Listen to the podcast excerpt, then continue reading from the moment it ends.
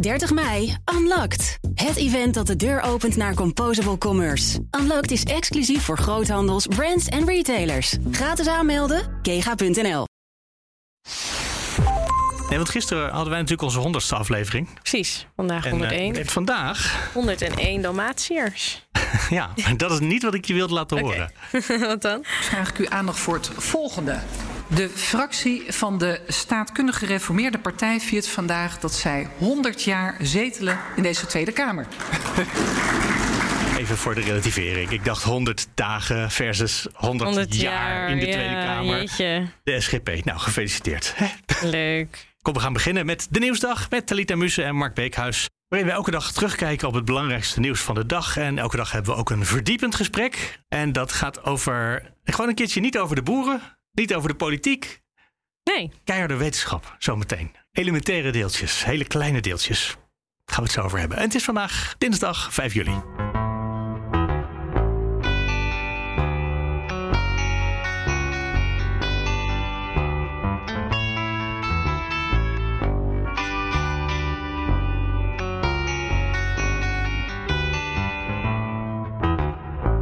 Beginnen vaak even met te helpen herinneren dat je je kan abonneren op deze podcast. En als je dat Precies. doet, dan zou je bijvoorbeeld ook de aflevering van gisteren geluisterd hebben, waarschijnlijk. waar ik een voorspelling heb gedaan over Alweer Wimbledon. Die niet heb ik- uitkwam. Ja, alweer eentje die niet uitkwam. Nee, het was heel wishful thinking, maar eh Zandschulpje, zoals ik hem gisteravond voor de televisie noemde, Ach. die, eh, die eh, heeft helaas verloren in drie sets van onze meneer Nadal. Dus jammer. Ja, precies. En die voorspellingen die kan je ook altijd op Instagram zien. Dan moet je even het, BNR. BNR volgen. En, Ik heb geen sportverstand. ja, je kan het ook anders zeggen. Ze zijn allebei best wel ver gekomen. Ze zijn allebei heel ver gekomen. En dan gaan we naar eh, dingen die ons opvallen in het nieuws. Nou, zal ik je Wat vertellen je op? dat mijn laatste beetje gevoel voor de boeren echt gewoon weggemaaid is met grote landbouwmachines. Oké, wat dan? Dat stukje. Stond al niet zo aan de kant van de boeren, maar Nou, nee wel. Ik, Ja. ik, ik moet het goed zeggen. Ik, ik snap dat zij een probleem hebben. ja. Ik snap dat het voor een heel groot stuk door de politiek in de afgelopen 30 jaar is veroorzaakt, de afgelopen 40 jaar. Eh, aangemoedigd door de boerenlandbouwlobby eh, meteen, of de grote landbouwindustrie misschien beter. Dus, maar ik snap even goed dat ze nu een hele lastige situatie hebben. Ik heb geen geduld met al die eh, trekkers die steeds totaal intimiderend en agressief mensen gewoon eh, opzij zetten. Eh, de, de, de, de vluchtstroken blokkeren als er ambulances langs moeten en zo. Dat soort, daar heb ik echt geen geduld mee. En nu, wat vind je dan nu voor de Nou- supermarkten staan dan? Want dit is niet meer op de wegen, dus wij hebben er eigenlijk geen last van. Ze zijn nu heel gericht bij die supermarkten aan het protesteren. Vind je Oh. dat dan beter? Nou, maar ik ga eerst even Oké, vertellen. eerst ja, over de. Dit hou heel ik- eventjes ik eh, de even vast. spanning Houden erin. De spanning erin. Precies. Heel benieuwd wat je hiervan vindt. Maar Nee, het, eh, wat er vandaag gewoon het laatste beetje medeleven... dat ze als ze dan een stukje natuur gaan ontploegen en bemesten. dat Sorry, dat is echt... Het is, het is, Waar is dat ik wou zeggen vandalisme. Bij Stroe is dat gebeurd. Eh, ik wou zeggen het is vandalisme, maar het is eigenlijk terrorisme. Het is gewoon met het door dingen kapot te maken... je politieke Want wat zin door te gedaan? Want ze waren naar Stroe. Ik was ook op die trekker naar Stroe. Dat, er was was een sowieso open plek. al een redelijk beschermd volgens mij gebied, is dat? Ja, maar nou, en wat hebben ze toen dat- gedaan? Ze zijn dat natuurgebied ingereden. En ze hebben een open plek waar dus eh, gras en dat soort dingen op de grond staan. Hebben ze helemaal omgeploegd. eh, zodat het nu een eh, soort ja, een dood Maar het was is. toch het terrein van een boer zelf die dat Nee. zei? Want er was het georganiseerd door een boer. Die zei van jullie zijn welkom op mijn terrein. Oh, De actie toen. Ja. Nee, maar de afgelopen dag hebben ze gewoon een stukje in de natuur. zei- een paar oh, honderd, dat meen je eh, niet. Oké, dat heb vierkante ik nog niet eh, meegekregen. Oh. Het is niet overdreven groot. Het is misschien niet het Ah, allerkwetsbaarste gebied. Maar dat hebben ze Ze gewoon, hebben gewoon de natuur kapot zitten maken. Nee, dat vind Ik vind ik, het- ook niet serieus, het is echt, Nee, maar eh, ik word ook een beetje misselijk van die. Je moet kiezen tussen welke koe we vanavond gaan slachten of zo. Dat soort dingen. Ik hou daar ook niet van. Je moet niet dreigen richting dieren of de natuur. Dat is natuurlijk eh, een beetje de omgekeerde wereld. Dat, Nee. eh, Oké, en toen vroeg je niet nog over de nee. distributiecentra van Ja. de, de nou, dat vind ik dan wel logisch op zich. Om daar dan ook. Die link snap ik. Ja, Maar wat ik niet snap nou, is die het snappen de supermarkten zelf niet. Want die hebben Nee, de, die zeggen, we woordvoerder heeft gezegd: wij hebben, wij zijn geen onder, we hebben geen belang in dit eh, probleem. Wat natuurlijk Nou. ook een beetje bijzonder is. Maar goed, ja. Dat, ik, kan me, ik kan me wel een link voorstellen. Ja, precies. Het Ehm, linkje is er wel. Maar het optreden van de overheid, de lees de politie vooral, dat snap ik dan weer niet. Die dan bij Schiphol zeggen: Dit is eh, de belangrijke infrastructuur. En die hadden meteen, dat wisten we niet. Maar dan blijkt ineens dat eh, de overheid ook hele grote trekkers heeft om er tegenover te zetten. Netjes in eh, douane blauw geschilderd. Terwijl ik zou denken. Ja, Schiphol is natuurlijk best belangrijk voor Nederland. Maar zijn de distributiecentra voor het eten in dit land niet de echte infrastructuur die belangrijk is om de mensen bijvoorbeeld voedsel te geven. Dus ik snap niet dat die trekkers van de marechaussee niet ogenblikkelijk alsnog uit de, de, de, de garage gehaald en uh, één voor één al die distributiecentra ja, ze ontzetten. ze worden nu ook wel op veel plekken weggeveegd. Uh, en uh, minister Jesilgus die heeft wel gezegd van... het is aan de lokale autoriteit om, te, om dat nu te gaan doen of om dat te bepalen. En dat gebeurt nu wel al overal op veel ze, plekken. Ze bemoeit zich er niet mee. Ze zegt dan, jullie moeten het zelf lokaal maar zien. Dat vind ik ook al jammer. Maar ja, maar wat moet je dan doen? Als we een, nationaal alles, iedereen gaan, gaan weghalen overal? Ja. Ja? Ja, want het is best belangrijk dat mensen kunnen eten. Ja, maar we kunnen echt wel even een halve dag zonder de, het verste appeltje in de, in de supermarkt. Dat is ook echt... Als er iets niet erg is, dan is het denk ik om even een dagje niet uh, boodschappen oh, te halen. Uh, misschien is het voor sommige mensen zelfs wel gezond. Ja, maar, precies. Blijf nog maar even langer staan. Het, verschil dat, de, dat Schiphol een belangrijke infrastructuur is... en de voedselverspreiding in het land dat niet is... Sorry, dat snap ik echt niet. Ja. Oké, genoeg opinie. Uh, terug naar het nieuws. Zullen we het hebben over homogenezing? Ja, ja laten we het daarover uh, hebben. Het uh, wordt niet verboden of het wordt wel verboden? Nou, uh, dat is ook weer zo mooi. Uh, even interessant hoe dat wordt aangepakt. Ja, dus de regering, ja, ik deed krachtig op. Ze zeggen dat ze het afkeuren, maar ze laten het aan de Tweede Kamer. Maar dat kwam omdat de Tweede Kamer al sowieso bezig was met een uh, initiatiefwet om oh, het te verbieden. maar er is toen ook destijds in de Kamer afgesproken dat er eerst nog een groot onderzoek zou komen naar dit fenomeen. Omdat ja, homogenezing kan niet, bestaat niet. Hè? Ik bedoel, je kan het op zich je kan het verbieden of niet, maar het is niet dat je het kan doen. Uh, nee, want uh, nou, ik heb dus net even in dat rapport zitten lezen. Dus het, het gaat eigenlijk dan meer over dat mensen ja, ze veranderen dan niet hun gevoelens of hun geaardheid, maar ze onderdrukken het of kiezen dan een andere levensstijl.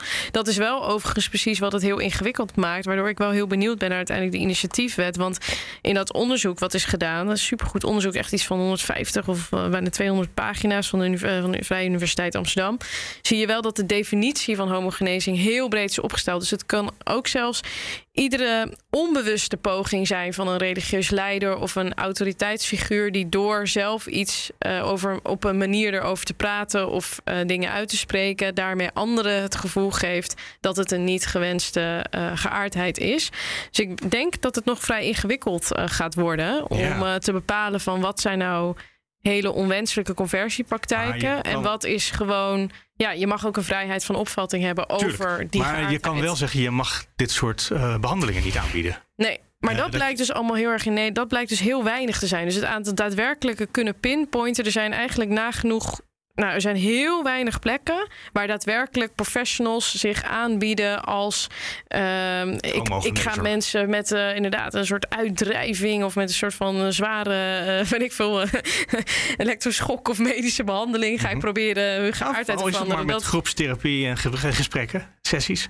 Ja, maar daar wordt het alweer een schemergebied. Want als je zegt van ja, uh, je zit in een geloofsgemeenschap waarvan de gelovige zelf zegt: ik wil die gevoelens liever onderdrukken, want ik wil er geen uiting aan geven. Dan mag je natuurlijk daar wel gesprekken met elkaar over voeren. Dus, okay, daar, dus ik ben nog heel erg benieuwd waar ja, exact de, het verbod op gaat komen. Wat dan de definitie wordt. Dat geeft mij dat onderzoek nog niet, uh, denk ik, heel veel uh, opheldering. Dus misschien dat het kabinet daarom wil zeggen: laat dan maar eerst de, de nee, Tweede Kamer met. Het, want ik was net inderdaad een beetje voorbarig met mijn, de regering treedt weer daadkrachtig op. Maar als er een, uh, dat was natuurlijk cynisch bedoeld, um, maar als er een initiatiefwet voor ligt, dat heeft deze regering met zichzelf mm -hmm. vooral afgesproken.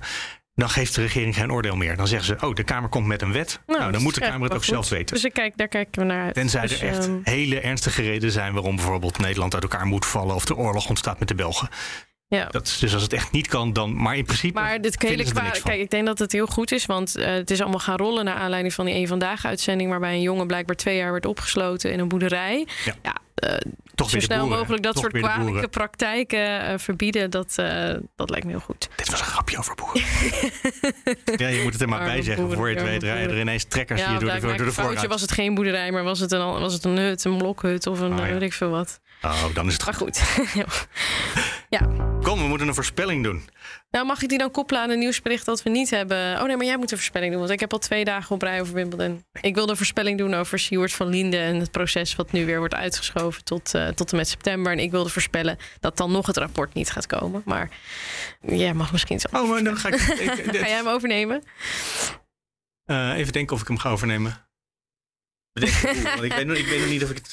Dat- Jij bent zoveel tactischer met je punten. Dat Nee, is echt niet te niet. doen. Lui, Beste luisteraars, Mark neemt dit bloedjes serieus, dit spel. echt bloedfanatiek. Ja, ik zit te denken wat ik, eh, wat ik geloof, wat ik, eh, wat ik verwacht.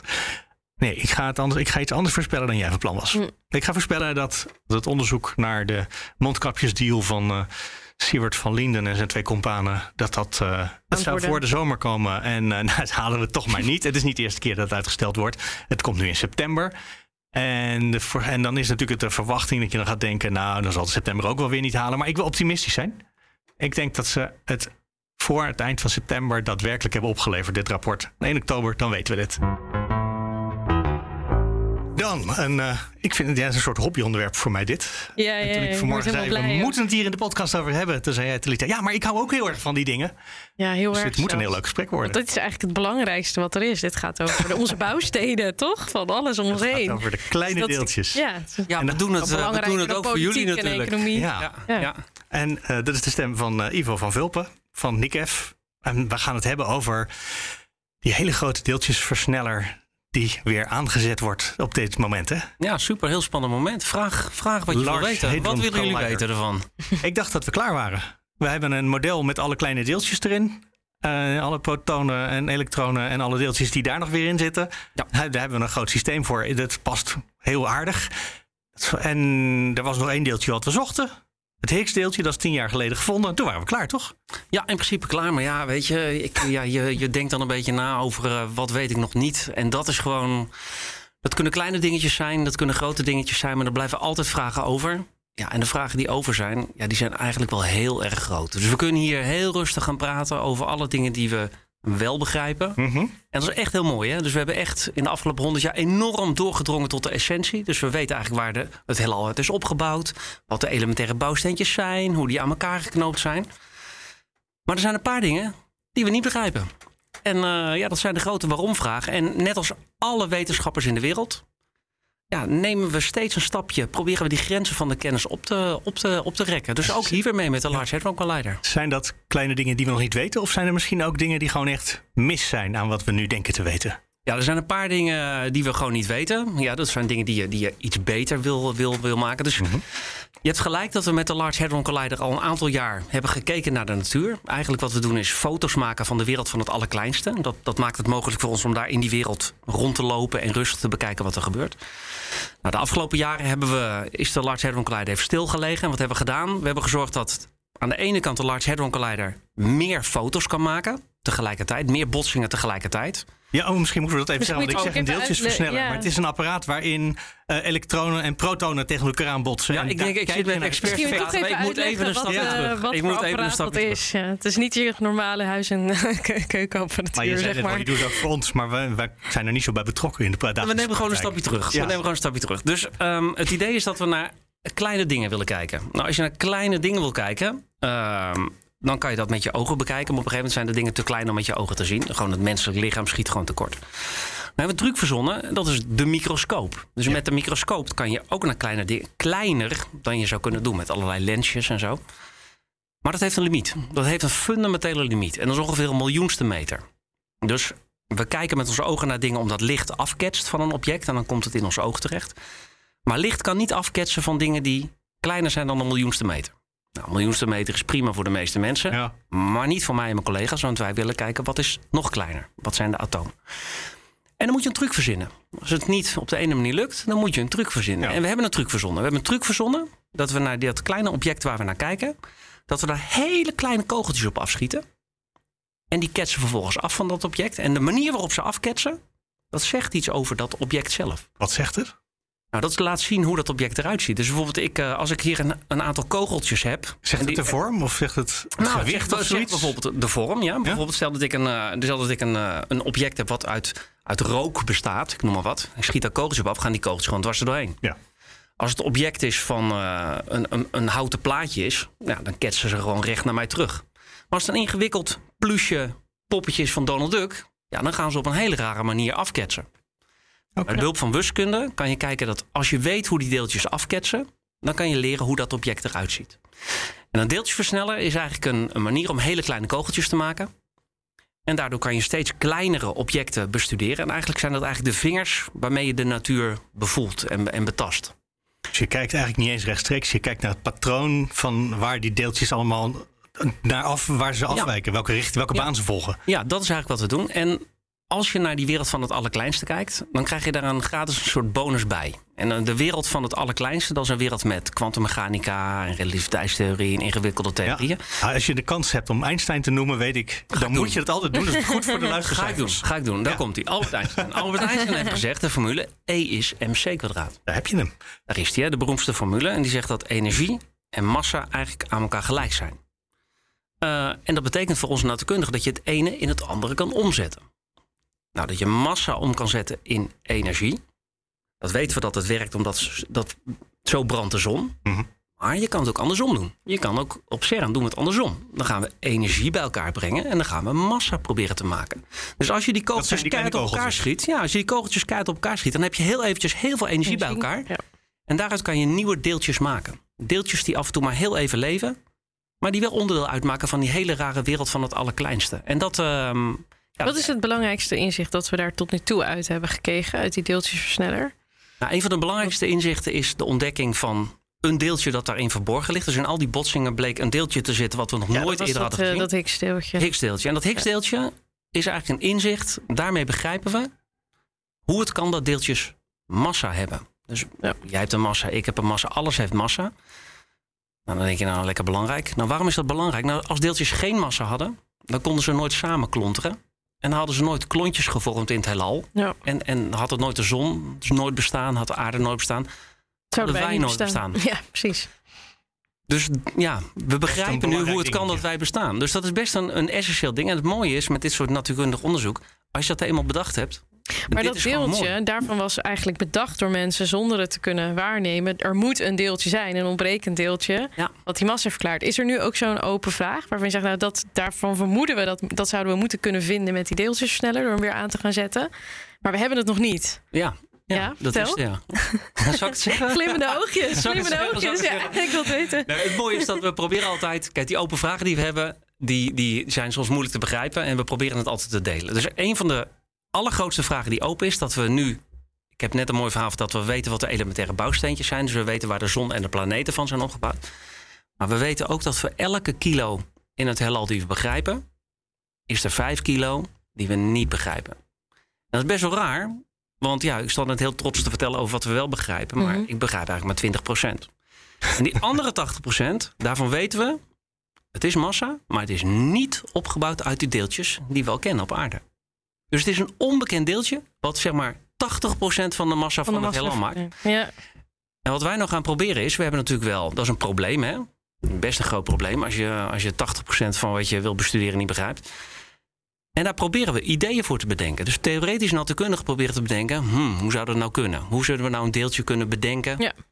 wat is de hypothese? Nou, ze hebben een van de hypotheses dat het een massief deeltje is. Mhm. En in heel veel van die theorieën zou het mogelijk moeten zijn om met botsende protonen in de Large Hadron Collider die deeltjes ook zelf te maken. Dus niet alleen maar in de natuur te kijken, hopen dat we ze kunnen vinden en eh, dat doen collega's van ons, maar je zou ze ook zelf kunnen maken. Nou, en daar zijn we naar op zoek. Dus dat betekent dat er in al die botsingen, die miljarden botsingen van dingen die we al kennen, dan zouden er ook een paar moeten zitten die gek zijn, die raar zijn, die er anders uitzien. Die een aanwijzing zijn dat we een donkere materiedeeltje hebben gemaakt. Want dat is waar je het over hebt. Over Dark matter. Dark matter, ja. Ja, mag ook in het Nederlands worden. ja, het klinkt gewoon Maar zo. het klinkt eerlijk. Ja, als, je, als, je naar, als je naar foto's kijkt eh, en je ziet iets heel geks. Ja, dan- Ja. Voordat je moet zeggen van oh, ik heb Loch Ness gezien. Kan je Maar ook is dat dan een, toch, want dan probeer ik het toch te begrijpen hoor. Maar is dat dan gewoon een ander soort massa dus? Andere vorm van massa dan de massa die we nu kunnen. Ja, nou, de massa die we nu kennen, dus alles Ja. wat massief is, Ja. bestaat uit atomen. En die atomen bestaan weer uit die kleine elementaire deeltjes. Dus alles wat we kennen, dat massa heeft, bestaat uit atomen.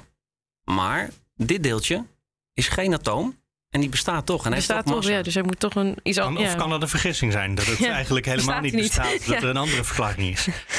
Dat Andere kan natuurlijk, hypothese, dat kan andere natuurlijk, hypothese. dat kan natuurlijk altijd. Maar Ja, eh, het heeft best alle een- aanwijzingen die we zien, Mhm. Die wijzen erop dat het een, dat het een massief deeltje is. Maar er zijn altijd mensen die zeggen... nou, jullie laten je meedrijven... en misschien moet je het heel anders bekijken.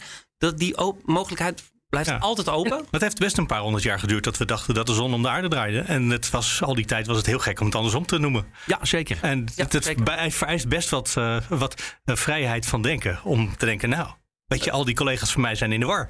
Absoluut. Dus een van hebben de het dingen. Nee, maar vaak ga- gaat het erom dat één iemand of twee mensen echt een nieuwe klik maken. Van, oh, zo kan je het ook zien. Net wat ik zei, die truc van die microscoop. Op een gegeven moment denkt iemand, hé, hey, zo kan het ook.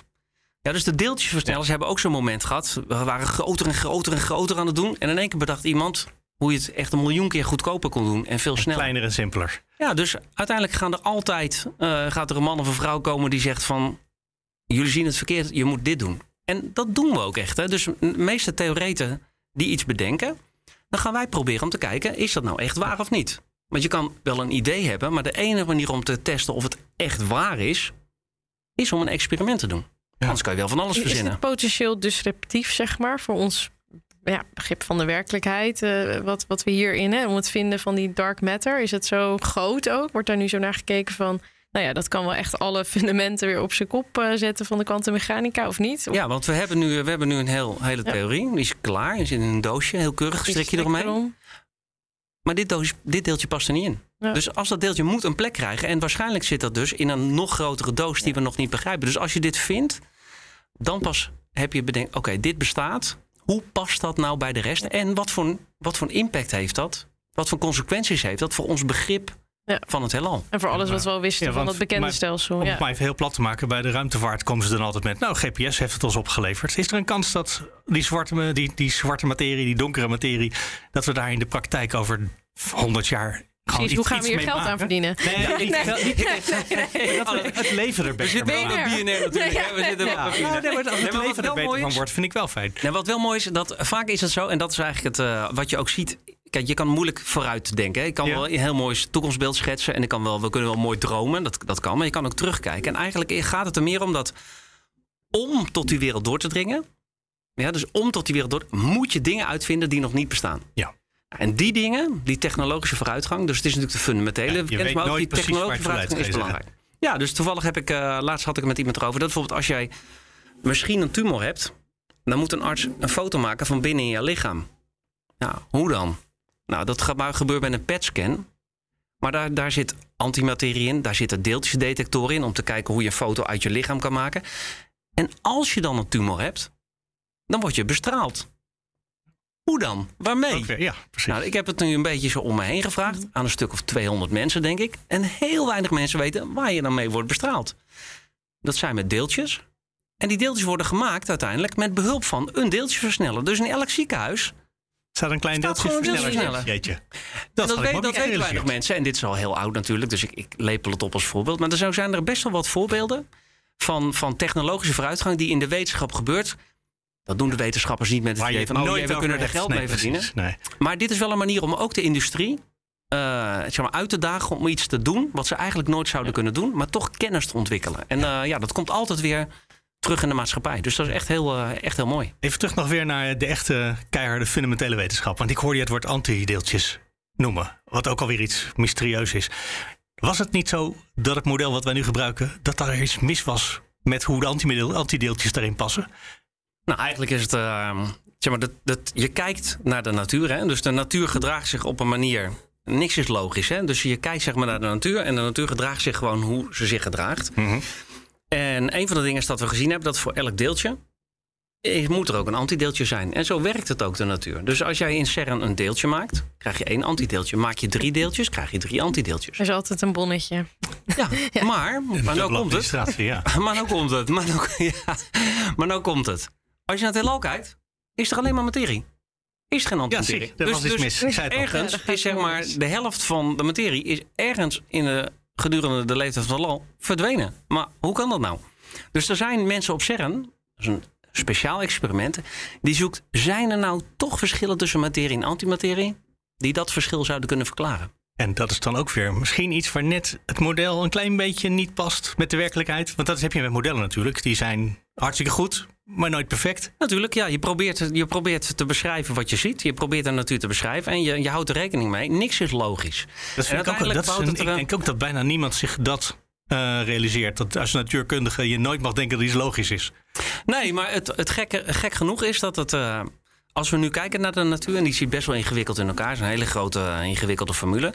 Maar de onderliggende principes zijn extreem simpel. Mhm. Ja, dus er is een hele simpele wiskundige symmetrie die de natuur volgt. Dus de natuur heeft gewoon een regelboekje, gewoon een uh, wetboek van strafrecht, die heel simpel is, een paar regeltjes. De vraag is natuurlijk, waarom? Waarom? Wat dicteert nou dat die regels, de natuur zoals wij hem zien, uh, geen enkel daar idee? krijg je geen antwoord op. En Daar krijgen we geen antwoord op. Maar, Waarom zit er zo'n logica onder? Dat is, ja. maar we kunnen het wel proberen. We kunnen wel proberen Ja. erachter komen. Wat zijn die regels? Waar komen ze vandaan? Hoe kan het nou dat er een heelal is? Hoe kan dat nou? En waarom zit er wat in? En er zijn allemaal grote vragen, existentiële vragen. Die we kunnen over dromen en over filosoferen. Maar je kan ook met het experiment proberen, pragmatisch. Heb je wel eens, heb je wel eens gehad dat je door die dingen die worden ontdekt over hoe zit het in elkaar, dat het je ook een soort eh, iets brengt persoonlijk in hoe je naar de wereld kijkt? Want ik Een soort heb- religieuze beleving, Ja, vraag je nou, daarnaar? nou ja, dat het, geeft het je ook eh, wel eens rust of antwoorden, of juist geeft het je onrust, of le- levert je ook. Ja, Ik had is laatst een het discussie. Dat, ik zag laatst een discussie dat gaf me enorm veel onrust. Hmm. Eigenlijk eerlijk. Om eerlijk te zeggen. Ja, ik wil jullie niet allemaal in, eh, in onrust storten of in Vertel drama's. het toch Nee, maar. even dit. Nou, een van de Ja. dingen is dat het heelal is heel groot. Maar ik, ik begrijp, niemand begrijpt, ik niet, maar niemand begrijpt Oneindig groot, waar het toch? vandaan komt. Maar er is een, een, ik sprak met een theoriecollega. Mhm. Die zei van ja, het heelal is misschien wel oneindig groot. Oh. Maar dat past niet in mijn hoofd. In de zin van, Ja. dat kan niet dat het. Het is al heel raar dat het groot is, maar dat het oneindig groot is, ja, daar, daar kan ik gewoon niet bij. En mijn collega zei: Nou, we zullen het nooit weten, Ivo, dus maak je er niet zo druk om. En wat Ja. bleek? Ik maakte me er wel druk om. Ja. En dat is wel heel gek, ja. Ja, het is oneindig is zo'n concept wat je gewoon met je hoofd niet kan bevatten of zo. Nee. Dat is, eh, Nee. En ook maar als je erover na gaat denken van hoe hoe kan Ja. het nou dat er zoiets als ruimte relativeert wel bestaat? lekker. Ja. Ja, dat, dat is echt. Dat lijkt iets zo'n grote vraag waar je soms niet bij stilstaat. En als je erover nadenkt, dan is het ook echt heel gek. Hoe kan het nou dat er iets zoals ruimte bestaat? Ja. Ik weet het ook niet. En we kunnen er ook heel, heel verdrietig over doen. En, eh, maar we kunnen ook lekker Ja, van het leven een genieten. Maar beetje het is mooi. of zo. Dat we toch, ik vind dat wel mooi dat het ons heel bescheiden maakt. Want ondanks al onze eh, intellectuele capaciteiten zijn er nog zulke fundamentele basisvragen over ons bestaan onbeantwoord. Ja, ik vind dat wel fantastisch ook wel dat dat zo is ergens. Het maakt ook wel een beetje nederig van hoeveel hebben we nog te ontdekken. Nee, het is echt heel mooi. Kijk, het is ook, kijk, wij doen het stukje van de elementaire deeltjes. Ja. Maar er zijn ook mensen die zijn heel druk bezig met... eh, kunnen we het menselijk gedrag begrijpen? Of kunnen we het dierenrijk begrijpen? Of kunnen we de geschiedenis begrijpen in een bepaald kader? Dus er zijn op allerlei gebieden... proberen mensen een beetje orde in de chaos te scheppen... om te begrijpen, begrijpen we het een beetje? Ja. Nou, en daar zijn we nog steeds mee bezig. En dat is, een, dat is gewoon een heel mooie tak van sport om dat te doen. En die machine wordt nou weer aangezet na 3,5 jaar. Ja. Ehm, het duurt ook nog een tijdje voor het überhaupt begint te draaien, hè, denk ik. Want het nou, sterker best nog, een ik weet niet hoe laat het nou is... maar om vier uur zouden ze beginnen. Echt? Dus het is... eh, Het is eh, net een uurtje staat hij aan. Dus hij staat net een uurtje aan. En dat is, eh, ja, het is gewoon een, een ingewikkeld apparaat. Het is natuurlijk. Het, je doet niet één schakelaar om. Niet de stekker erin en. eh, nee, en het is go. niet de stekker erin en op die hele grote knop met 0 en 1 zoeken en dan aan. Dat is het niet. Maar het is natuurlijk wel een apparaat wat we al kennen. Dus Ja. het is zeg maar, een verbeterde versie van een apparaat dat we kennen. En daar horen gewoon een aantal stappen bij. Dus je gaat niet gelijk vol gas, maar daar horen gewoon een aantal stappen bij. Eerst Ja. een paar protonen, een rondje. Dan een rondje naar links en naar rechts. Dan met hogere energie. Dan botsen. Nou, dat Kijk, mooi. je het steeds blijft doen. Want er was bij de vorige keer nog een keertje iets. Dat er, eh, wat was het ook weer? Toen ging er een of andere zekering ergens door. Ja, dat is volgens geen Als ik probleem. het, Het, eh, probleem is als het misgaat, kan het ook wel heel erg misgaan. In, in dit geval met de versneller. Dus we doen het gewoon heel, eh, gewoon heel, Heel voorzichtig. langzaam. En als je die botsing hebt, daarna is het de taak aan het fototoestel, het experiment, Ja. om die foto's te maken. Werkt dat allemaal? Dat is ook allemaal enorm high-tech en er is er gewoon maar één apparaat van. En ja, dat is allemaal super high-tech, maar ook wel weer gewoon door mensen gemaakt. Weet je, door jonge Ja. promovendi die hier in Amsterdam zitten. En in Valencia, en in Düsseldorf, en in Lund, en in China. En in, dus overal komen ze vandaan. Ja. Dat is best ingewikkeld. En ja, dat we denken dat de meeste mensen zich dat ook niet realiseren. Maar als je uiteindelijk over een paar jaar waarschijnlijk de eerste wetenschappelijke publicaties hiervan krijgt. Dan staat erbij wie allemaal meegewerkt aan het artikel. En dat is bij dit soort onderzoek zijn dat honderden mensen. Pagina's en pagina's met Ja. auteurs.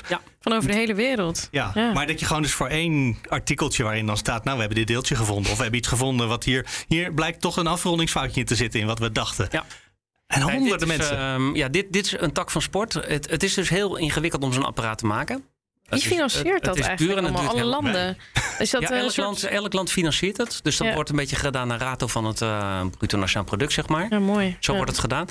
En ja, het wordt vaak, ik bedoel, als je het allemaal bij elkaar optelt, is het heel veel geld. Het is natuurlijk, eh, alle landen van de wereld doen het samen. En dit is ook iets dat je alleen maar voor elkaar krijgt als je alle wetenschappers van de wereld eh, zover krijgt dat ze samen gaan werken.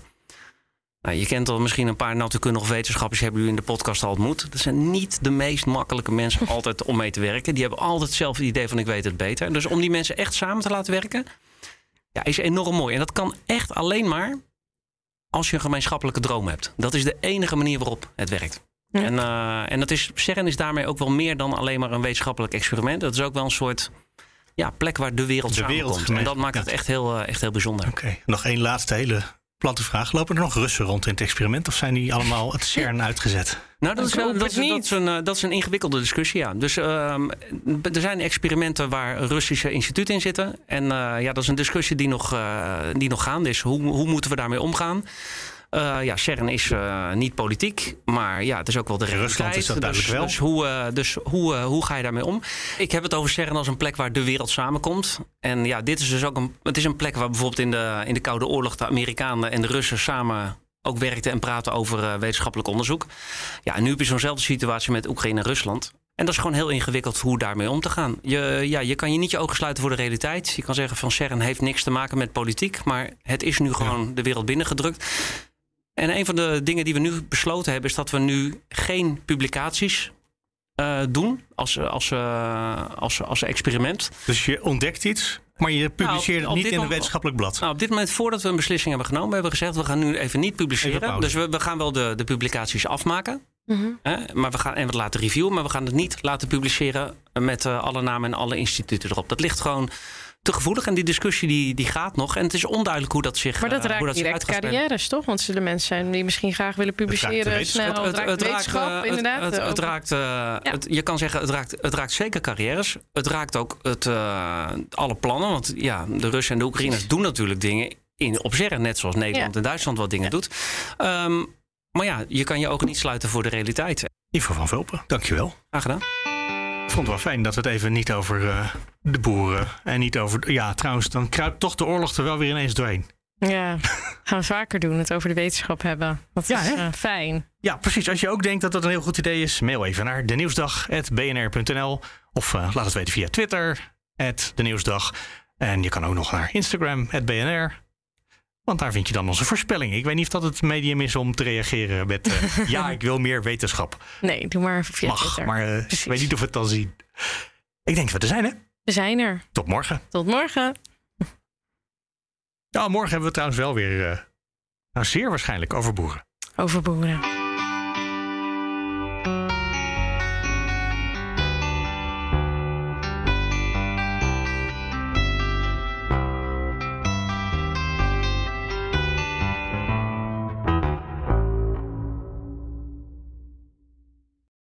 30 mei, Unlocked. Het event dat de deur opent naar Composable Commerce. Unlocked is exclusief voor groothandels, brands en retailers. Gratis aanmelden, kega.nl.